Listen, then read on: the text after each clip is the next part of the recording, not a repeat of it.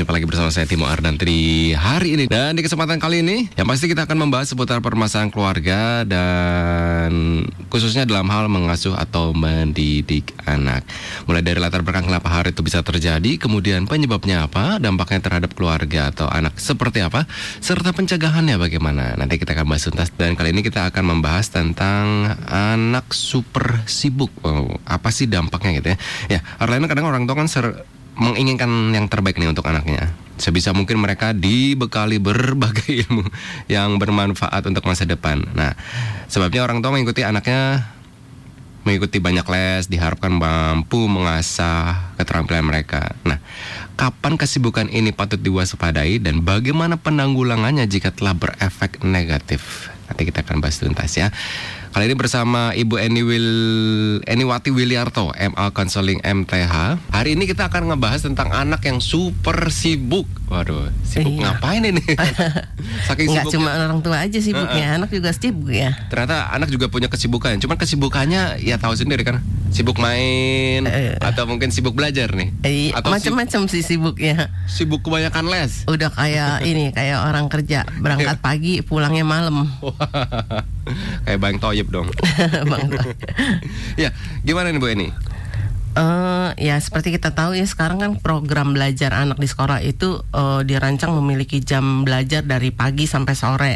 Tujuannya ya pasti untuk mengoptimalkan proses belajar pada anak ya, baik Iya. dalam hal akademis maupun eh, banyak hal ada kegiatan-kegiatan ekstrakurikuler. Hmm. Jadi eh, kadang-kadang ya sekolah juga demi menjaga nama baik sekolah. Kalau yang sekolah yang sekarang kan kalau reputasinya internasional. ya dia eh, sekolahnya itu ada ada apa tambahan pelajaran untuk Hmm, anak hmm, yang anak-anak didik yang tertinggal misalnya kalau anak-anak yang memiliki nilai-nilai yang mungkin di bawah standar dari yang mereka eh, tentukan itu pasti ada pelajaran tambahan kan Oh. dikasih eh, Ya. ekskul kemudian nggak ada itu juga kalau anak-anak yang memiliki nilai akademis yang tinggi juga ya untuk mempertahankan nilainya Eskul juga. ekskul juga. Sudah paginya sekolah, siangnya eskul, Iya. sorenya ngeles. Betul. ya, Ada. kadang-kadang kita juga orang tua juga ya supaya anak juga eh, mampu untuk eh, di segala bidang tambah lagi dengannya les lagi. Hmm, hmm, hmm. Jadi eh, ya nanti juga ada ya les lukis lah, musik, balet, bahasa Inggris Itu dan bukannya sebagainya. Hal, bukannya hal yang positif ya? Kan kan Eh. eh, oh berarti orang tuanya benar-benar memperhatikan anak nih biar masa depannya cerah. Jadi segala sesuatunya direncanakan dan dipelajari. Eh kadang-kadang ya kalau memang itu eh, suatu yang diminati anak dan anak suka dengan hal itu, Hmm. itu sih bukan bukan satu eh, menjadi satu masalah yang gimana ya karena kalau anak enjoy dia menikmati eh, ya akhirnya itu juga dapat menjadi bekal juga. Mm-mm. Terkadang juga kita memberi anak kegiatan ini itu ya kadang-kadang obsesi orang tua juga ya. Kan sering juga kita dengar eh, bilangnya dulu saya nggak pengen les piano nih tapi nggak dikasih karena nggak ada biaya. Jadi sekarang ya supaya eh, eh, anaknya ini dilesin piano. Berarti itu cita-cita bapaknya itu. Eh, nggak kesampaian. Enggak kesampaian.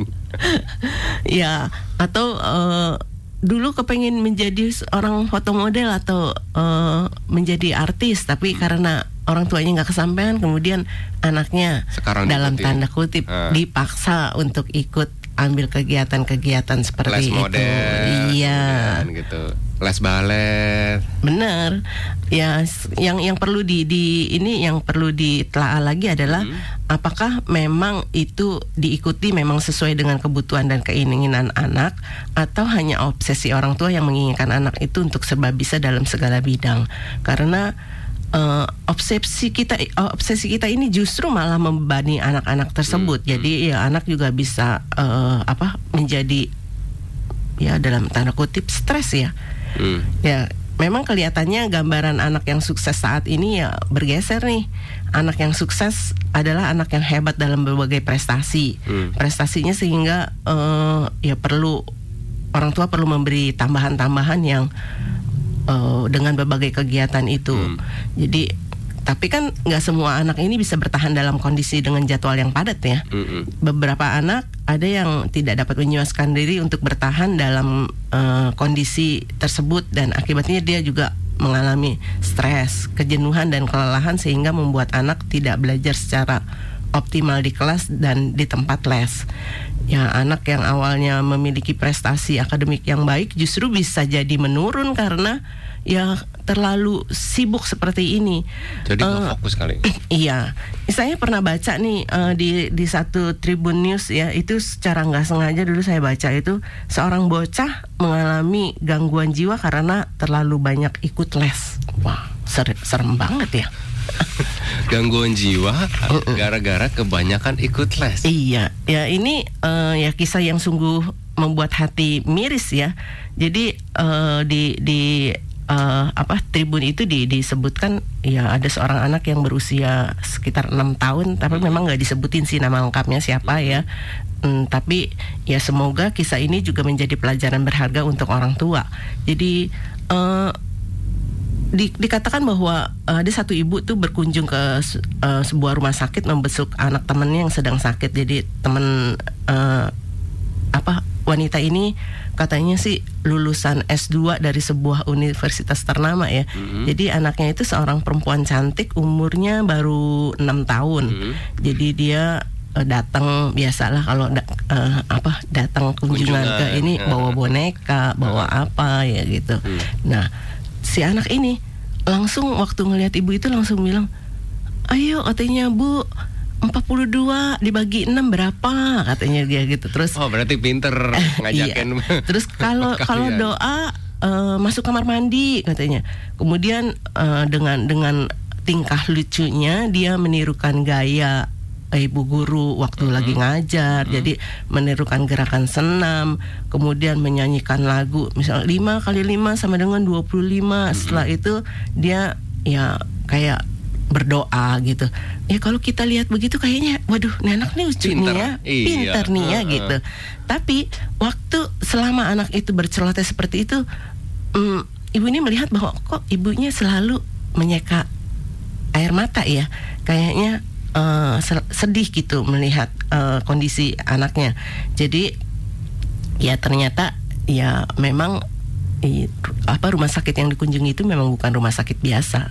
Jadi Oh. memang dia rumah sakit eh, kayak rehabit Rehabilitasi. Iya untuk untuk anak-anak. Jadi setiap anak itu s- diajak bicara, ya selalu yang dibilangnya misalnya Pelajaran sekolah, eh, gitu ya? Iya. Heeh. 7 kuadrat, 24 kuadrat, 24 bagi 6 sama dengan 4. Selalu Jadi yang itu yang di dicelotekan. Itu tentang pelajaran di sekolah. Iya. Eh, ya eh, setelah digali lagi menurut psikolog eh, yang yang bertugas di sana anak ini terlalu diforsir. Jadi eh, dia ngikuti les matematika, kemudian ya untuk untuk lebih memfokuskan lagi ditambah lagi dengan eh, les-les eh, kayak matematika kan terus kemudian juga ada yang yang kayak apa sih Aritmetika. ya ya se- sejenis itulah ya. I- pokoknya kan kalau itu di- ditentukan kan target tugasnya itu harus berapa menit gitu selesai gitu. kemudian ada les bahasa Inggris terus belum lagi harus mengerjakan PR sekolah. Terus ada les ngaji dan lain-lain sehingga mengakibatkan anak ini terlalu jenuh ya setelah mungkin udah overload kali kalau kita bilang ya Anak umur 6 tahun. iya Dengan kapasitas anak umur 6 tahun tapi pelajarannya, lesnya sebegitu banyaknya Iya. sampai akhirnya tidak bisa menampung, tidak Iya, kalau kita kalau komputer mungkin juga kalau udah, Udah terlalu banyak datanya ngeheng ya. Wow. Jangan sampai terjadi nih seperti itu. Ah, iya. Nanti kita akan ngobrolin lebih lanjut tentang gejala stres anak yang super sibuk itu seperti apa sih Bu ya? Iya. Biar tidak terjadi nih anak kepada anak-anak kita karena keinginan orang tua sampai akhirnya lupa diri ya. Betul. Dan kita masih membahas tentang anak yang super sibuk. Apa sih dampaknya? Tadi kita sudah mendengarkan cerita dari Ibu Eni. Ada kasus seorang anak usia 6 tahun saking sibuknya belajar sampai akhirnya sedikit mengalami mungkin gangguan ya. Sampai harusnya dibawa ke rumah sakit untuk direhabilitasi. Iya, betul. Ya, ngomongin soal super sibuk nih. ketika dibawa ke rehabilitasi berarti kan sudah sedikit stres mungkin anaknya. Iya. Ada nggak sih gejala-gejala stres pada anak yang super sibuk ini? Uh, ada sih beberapa gejala yang yang kalau kita melihat ini udah udah harus nih orang tua udah harus um, mewaspadai ya. Uh, ya beberapa gejala stres yang untuk anak-anak yang memang kita lihat uh, ya dengan kegiatan segudang seperti ini, hmm. ya kalau kayak gejala fisiknya ya berulang kali terjadi misalnya sering sakit kepala, sakit perut atau hmm. diare dengan penyebab yang tidak jelas. Jadi ketika mau berangkat sekolah ada aja tuh alasannya. Nanti tiba-tiba lah atau dia ketika menghadapi satu pelajaran tertentu atau apa gitu ya. Pelajaran yang Terus tiba-tiba uh, tiba-tiba bisa bisa sakit perut tuh. Kemudian ada juga anak-anak yang yang bisa tiba-tiba sampai muntah-muntah, oh. sakit kepala gitu. Nah, kalau memang sudah seperti ini nih ya memang nggak uh, selalu sih itu hmm. itu yang menjadi. Tapi kalau ini berulang kan berarti ada ada sesuatu hal yang yang harus kita waspadai, waspadai dan harus diteliti lebih lanjut lagi ya. Itu gejala fisik itu ya? Ya hmm. kemudian uh, kebiasaan yang nggak uh, lu pernah dilakukan anak misalnya menjadi uh, lekas marah menangis akibat hal-hal yang sepele terus uh, mengisap jempol, sering berdebat. Ternyata mengisap jempol itu juga satu-satu gejala loh yang yang harus kita Maaf, waspadai. Ibu, ini, ini ada penelpon masuk ini. Iya. Mungkin ingin berbagi cerita. Dengan siapa ini, Bu? Dengan Bu Nancy. Silakan Bu Nancy.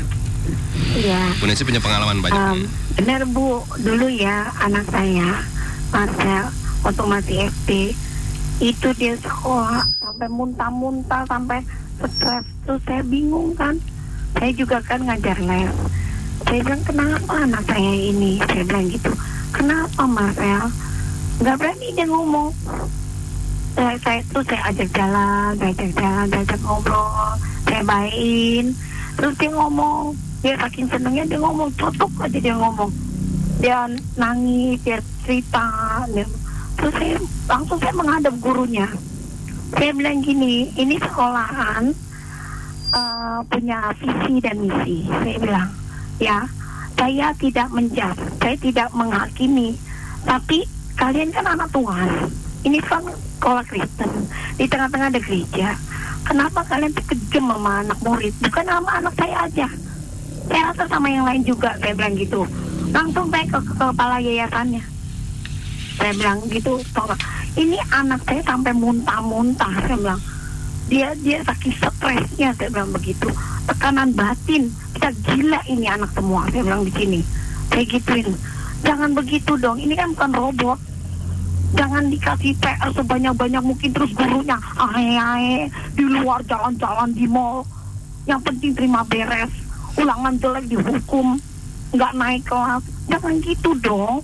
Kita kan di sini bayar saya bilang gitu. Hmm. jangan begitu jadi orang saya bilang ini anak bukan robot.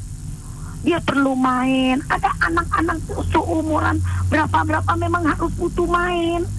Berapa jam dia harus main berapa jam paling setengah jam atau berapa menit dia harus main. Hmm. berapa menit dia harus konsultasi dengan orang tuanya adaptasi. Yeah. berapa menit dia harus makan. Kalau dia belajar terus ya kayak begini. Saya bilang itu lama-lama stres semua. Saya bilang satu sekolahan. Akhirnya itu saya bawa kalau lagi WBB wajib belajar bersama orang tua sama guru. Kadang-kadang saya disuruh maju bu. Habis nggak ada yang berani. Saya bilang ini orang tua semua nggak ada yang berani. Kalau ngomong seperti ini bu saya bilang sama ketua yayasannya anak kita digencet bu. Tapi kalau saya nggak takut saya bilang. Hmm. karena saya ngumpulin ulangan anak saya. Sekalipun digencet saya punya bukti ya bu ya? Dari mana ini hitungannya? Saya punya teman di Pedanka saya bilang hitungannya bagaimana ini? Kok bisa begini rapat anak saya? Ini ulangannya semua. Hmm. kita beli file dari sekolah. Ini ulangannya saya filein Indonesia Indonesia PPKN PPKN saya bilang gitu. Ini coba hitung ibu. Ibu hitung di mana letak kesalahan anak saya? Jadi uh, kita orang tua nih bu ya maaf ya bu. Ibu mungkin uh, uh, uh, seorang psikolog ya bu ya. Tapi saya mau ngomong gitu loh sama ibu-ibu yang lain mewakili yang lain. Jangan terima asal aja terima gitu loh. Takut sama guru gitu loh. Dikit-dikit mm-hmm. ah ke dokter psikolog mungkin anaknya anak kita nggak gila. Tau nggak? Anak kita anugerah Tuhan. Dia udah diciptakan sama Tuhan sedemikian rupa. Jangan dikit-dikit dokter psikolog dokter psikolog. Tahu-tahu urusannya apa cuma tekanan batin mereka cuma karena orang tuanya tuh gimana gitu kalau kayak SD, SMP, SMP mungkin dia udah ini SD loh dari kelas 1 sampai kelas 6 apalagi kalau udah mau kelas 6 Bu di kelas 5 itu Bu aduh Bu anak-anak udah pada jelek mukanya Mau ujian.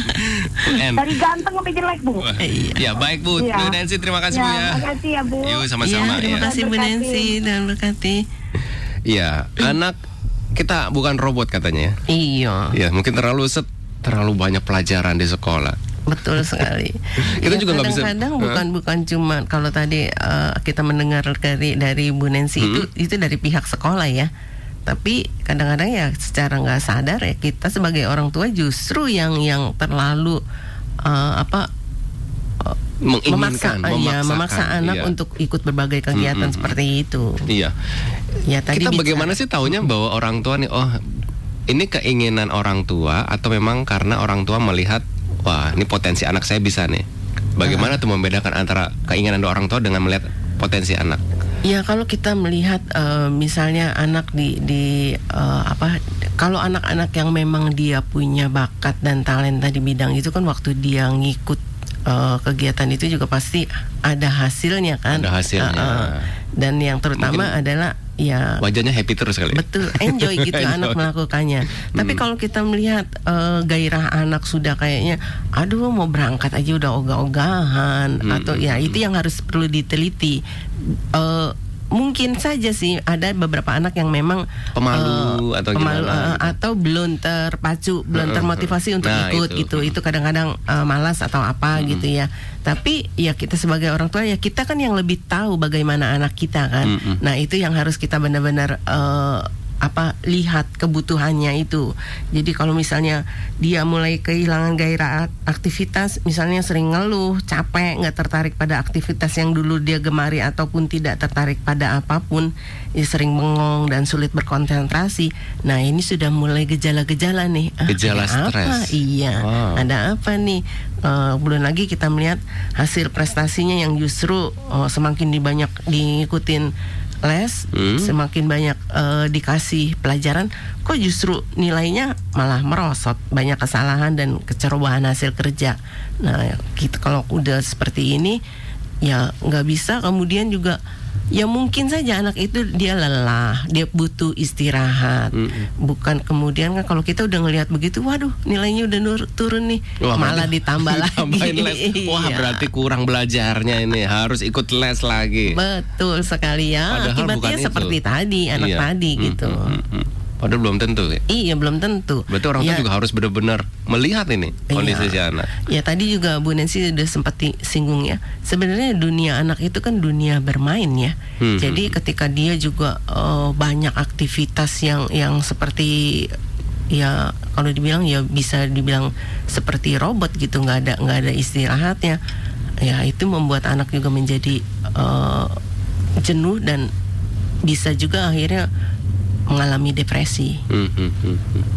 Jadi kalau kalau kita lihat eh, ya rajin belajar itu memang bagus, tapi kalau satu hari penuh diisi dengan belajar, belajar dan belajar, ya akibatnya anak mudah stres dan depresi. Berangkat jam 7 belajar sampai sekolah jam 3 Kemudian jam 3 jam 4 les Iya. Sampai jam 5 jam 5 pulang mandi Habis itu belajar malam buat persiapan besok Betul. Kapan main? Belum lagi Sabtu, Sabtu, harus Sabtu, diisi lagi dengan ya mungkin ada les renang lah nanti les piano, les balet dan sebagainya. Hmm. Ya, sedangkan waktu dia juga akhirnya untuk bermain itu jadi berkurang banget. Ya kita lihat juga eh, beberapa anak eh, sekarang kan eh, jadi untuk eh, sosialisasinya mereka jadi berkurang ya, De- Hmm. karena asik dengan Gadgetnya. eh, gadgetnya. Atau ya kegiatan kalau dia ngikut les kan bertemu dengan guru orang yang sama ya dengan orang yang itu itu. Walaupun berganti-ganti ininya tapi kan eh, ya boleh dikategorikan orangnya sama gitu. Ya cuma beberapa saja. Eh, saya ingat kalau dulu zaman saya kecil sih kayaknya ya dunia saya ya dunia bermain lah nanti main tali Main main petak umpet main Main congklak. Kalau anak-anak sekarang kan rasanya untuk permainan-permainan seperti itu nggak ada ya. Sudah sampai rumah, masuk ke kamar masing-masing, eh, ya bicara dengan dengan orang tua juga ketika ketemu seperlunya, kemudian asik dengan dunia mayanya masing-masing. Ya, bagaimana nih menimbulkan anak agar wah, ayo main yuk gitu loh. Eh, ya kita kita harus Kalau melibatkan diri. di, di lingkungan di sekitarnya juga kebetulan ya ru- rumahnya jarang ada anak kecil kan suka ada suka ada. Misalnya iya. satu komplek wah kebetulan nggak ada anak kecil ya. Iya, ya kita sebagai orang tua juga harus bisa melibatkan diri ke ke anaknya. Sebenarnya banyak sih kegiatan yang bisa kita lakukan. Misalnya kalau anak perempuan dan kebetulan eh, ibunya misalnya memang ibu rumah tangga, Hmm. kegiatan masak pun juga itu bisa menj- menjadi satu kegiatan yang mengasihkan buat ibu dan anak. Hmm. Kemudian juga kalau kayak dulu kan kita eh, kadang-kadang satu keluarga main monopoli atau main ular tangga. nah ini juga bisa diisi untuk untuk mengisi eh, hal-hal yang yang eh, membuat sosialisasi anak berkurang gitu. Atau kalau di komplek-komplek sekarang kan kadang juga ada taman bermain Taman yang sore bermain. ya itu. Iya ajak anak main ke situ main dengan yang lain gitu.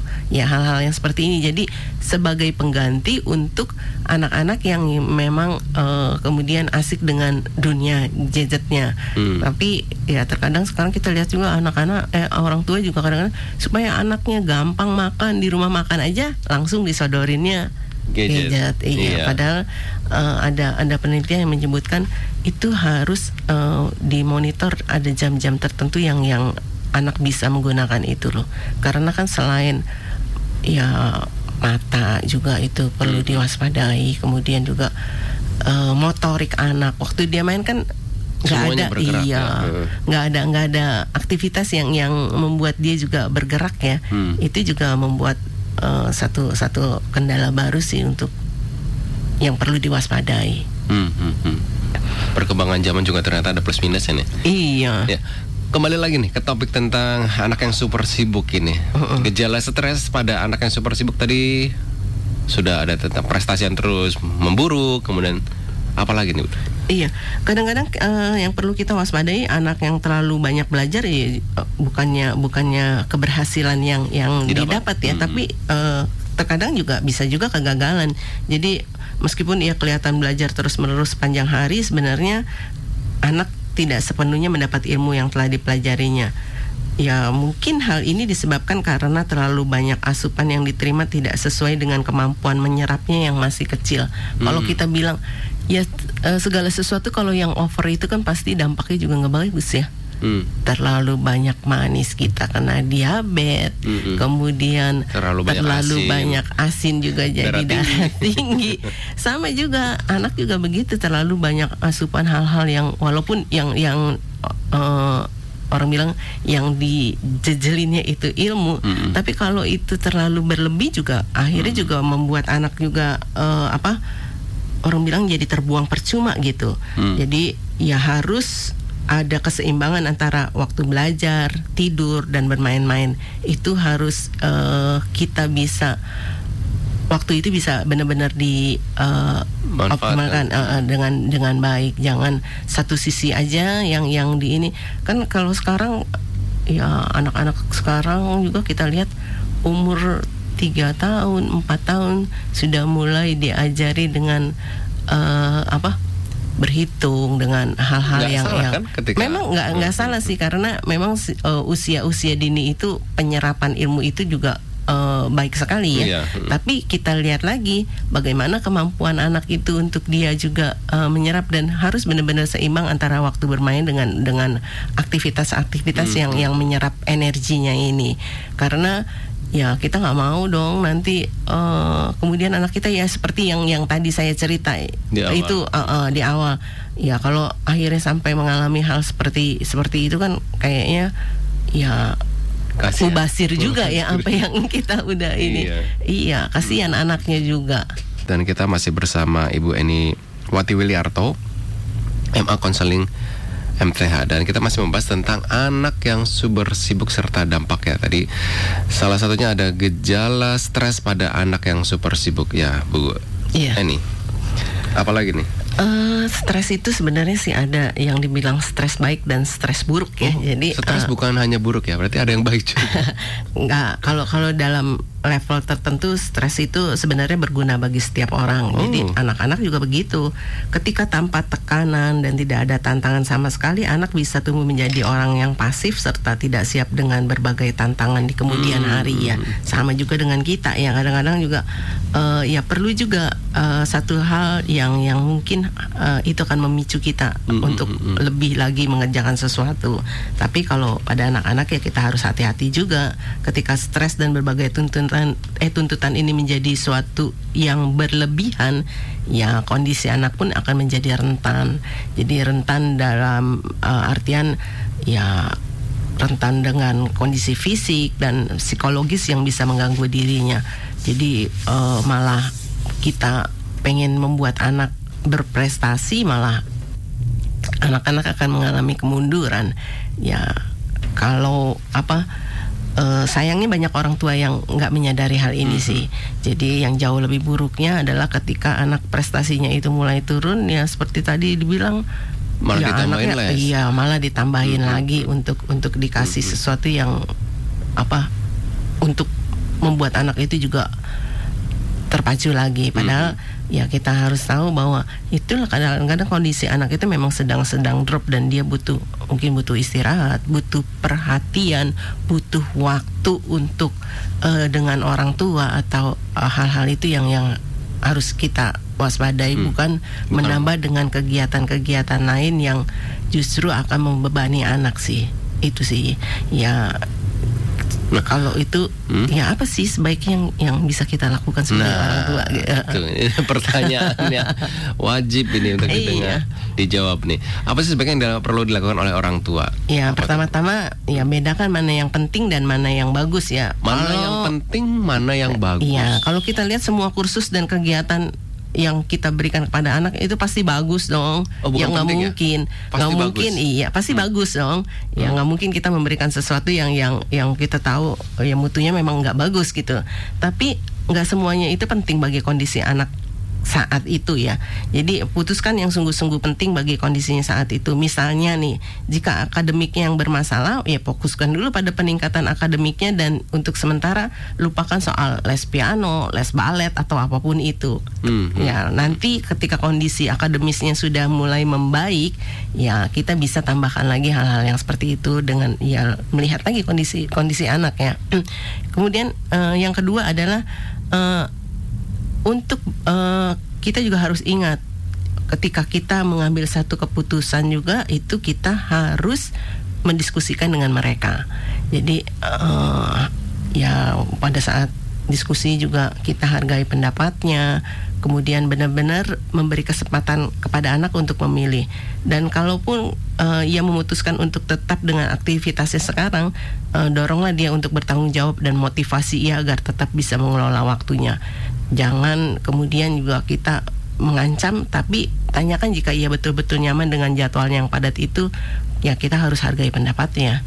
Kalau misalkan masih kelas 1, kelas 2 itu kan ketika ditanya kan kadang-kadang ketika nggak mau ah nggak mah nggak mau ah gitu pengennya main aja gitu Itu gimana? Ah, ya bisa didiskusikan sih. Maksudnya bagaimana cara kita berbicara dengan anak, memotivasi anak mungkin ya dengan itu.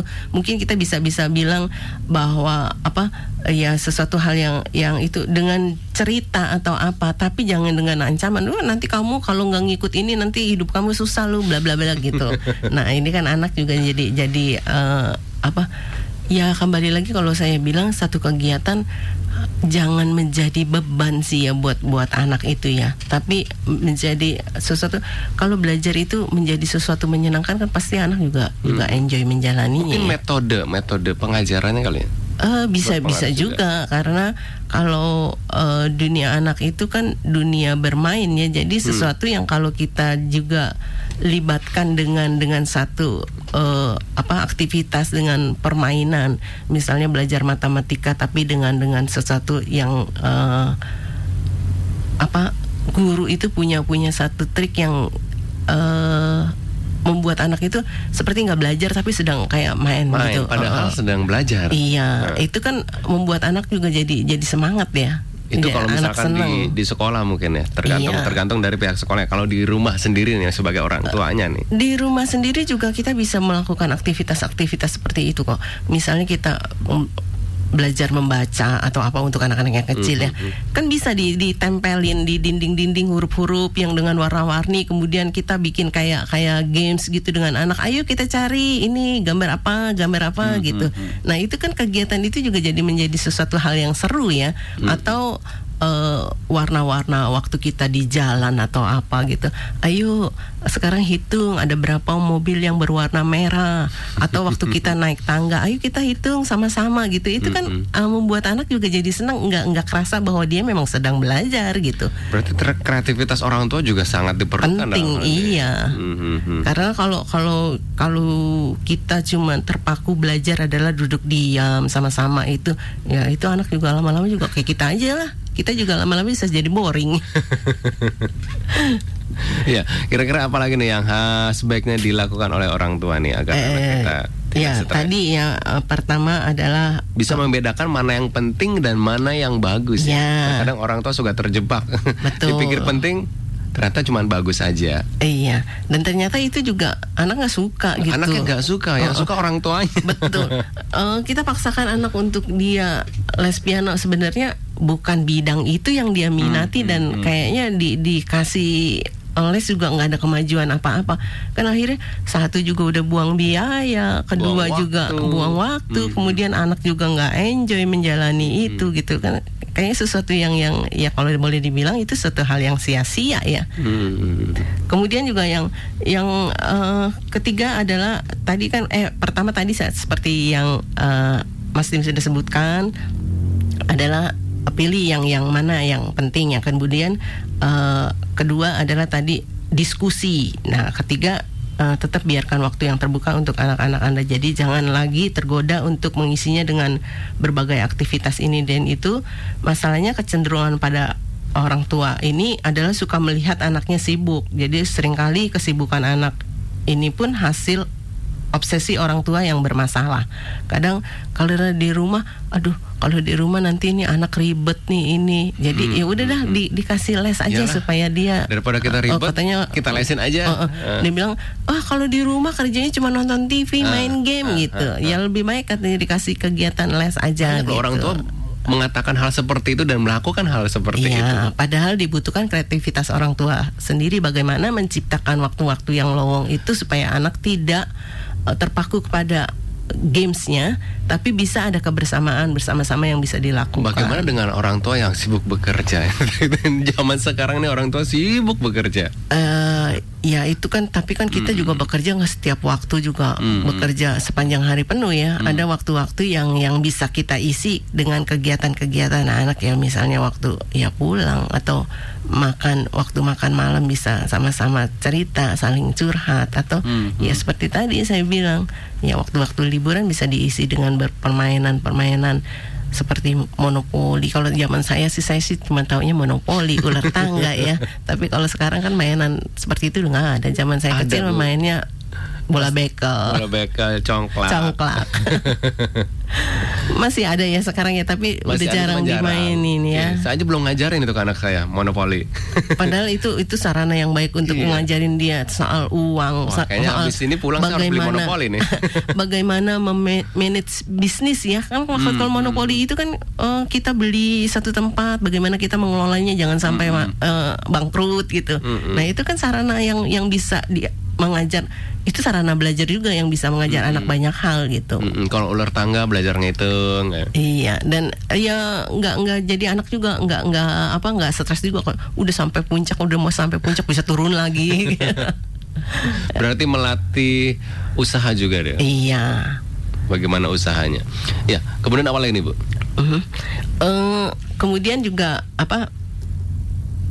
Ya salah satu kesalahan kita sebenarnya ya sering kali balik lagi obsesi kita ya yang yang yang akhirnya juga me- memicu kita untuk kita juga membuat satu apa eh keharusan untuk anak-anak mengi- mengikuti ini itu ya Hmm. ya eh, saya pernah pernah eh, baca juga si Leonardo da Vinci bilang belajar tanpa menyukainya hanya mengotori memori dan tidak akan berbekas di dalamnya. Belajar Belajar tanpa, Tanpa menyukainya, hanya mengotori memori dan tidak akan berbekas di dalamnya. Jadi Wow. ya sia-sia kayak kebuang sia-sia gitu orang kalau minum vitamin C kebanyakan juga akhirnya kan kebuang kan. Mm-mm. Ya sama juga belajar kalau dia nggak nggak suka itu akhirnya ya numpang lewat numpang lewat aja Iya. menjadi sesuatu kegiatan yang yang nggak berarti juga. Jadi yang yang eh, paling penting adalah eh, beri waktu anak untuk berkembang. Jadi sebenarnya pada usia anak-anak ini sebaiknya lebih banyak diberikan kepadanya untuk berpikir, berkreasi, merancang, bermimpi, mengobser- mengobservasi atau mengembangkan dirinya. Jadi ketika anak-anak mulai mengikuti eh, kursus ini itu yang terlalu berlebihan, jadi ujung-ujungnya bukannya kita melihat seorang anak yang berkembang kemampuannya, tapi justru anak eh, harus dipaksa untuk mengikuti disiplin belajar dan disiplin kegiatan tertentu yang ujung-ujungnya malah membuat anak menjadi pasif dan mati kreativitasnya. Oh. Dan orang tua tidak ingin hal itu terjadi. Iya sudah pasti dong kita dong sebagai orang tua nggak nggak mau juga anak juga kemudian juga eh, menjadi eh, ya antisosial Hmm, atau eh, se- semacamnya itu yang justru dampaknya juga nanti juga buat anak juga Berarti segala sesuatu bagus. yang berlebihan itu tidak baik. iya makan aja berlebihan juga jadi obesitas Berarti benar-benar dibutuhkan ini kreativitas orang tua agar anaknya yang sibuk tapi bukan super sibuk ya, tapi Iya. bermanfaat mengisi Uh-uh, waktunya. iya. Baik, ya terima kasih Bu Eniwati nih atas kesempatan ngobrol-ngobrol. Kita jumpa lagi di lain waktu Bu ya betul dengan topik yang berbeda. Sekali lagi terima kasih untuk Ibu Eni dan juga Hartlena terima kasih untuk Anda yang sudah bergabung. Kita jumpa lagi di minggu depan di acara dan gelombang yang sama. iya Keep on- selamat melakukan aktivitas dan tetap semangat Siap. Keep on growing and never give up.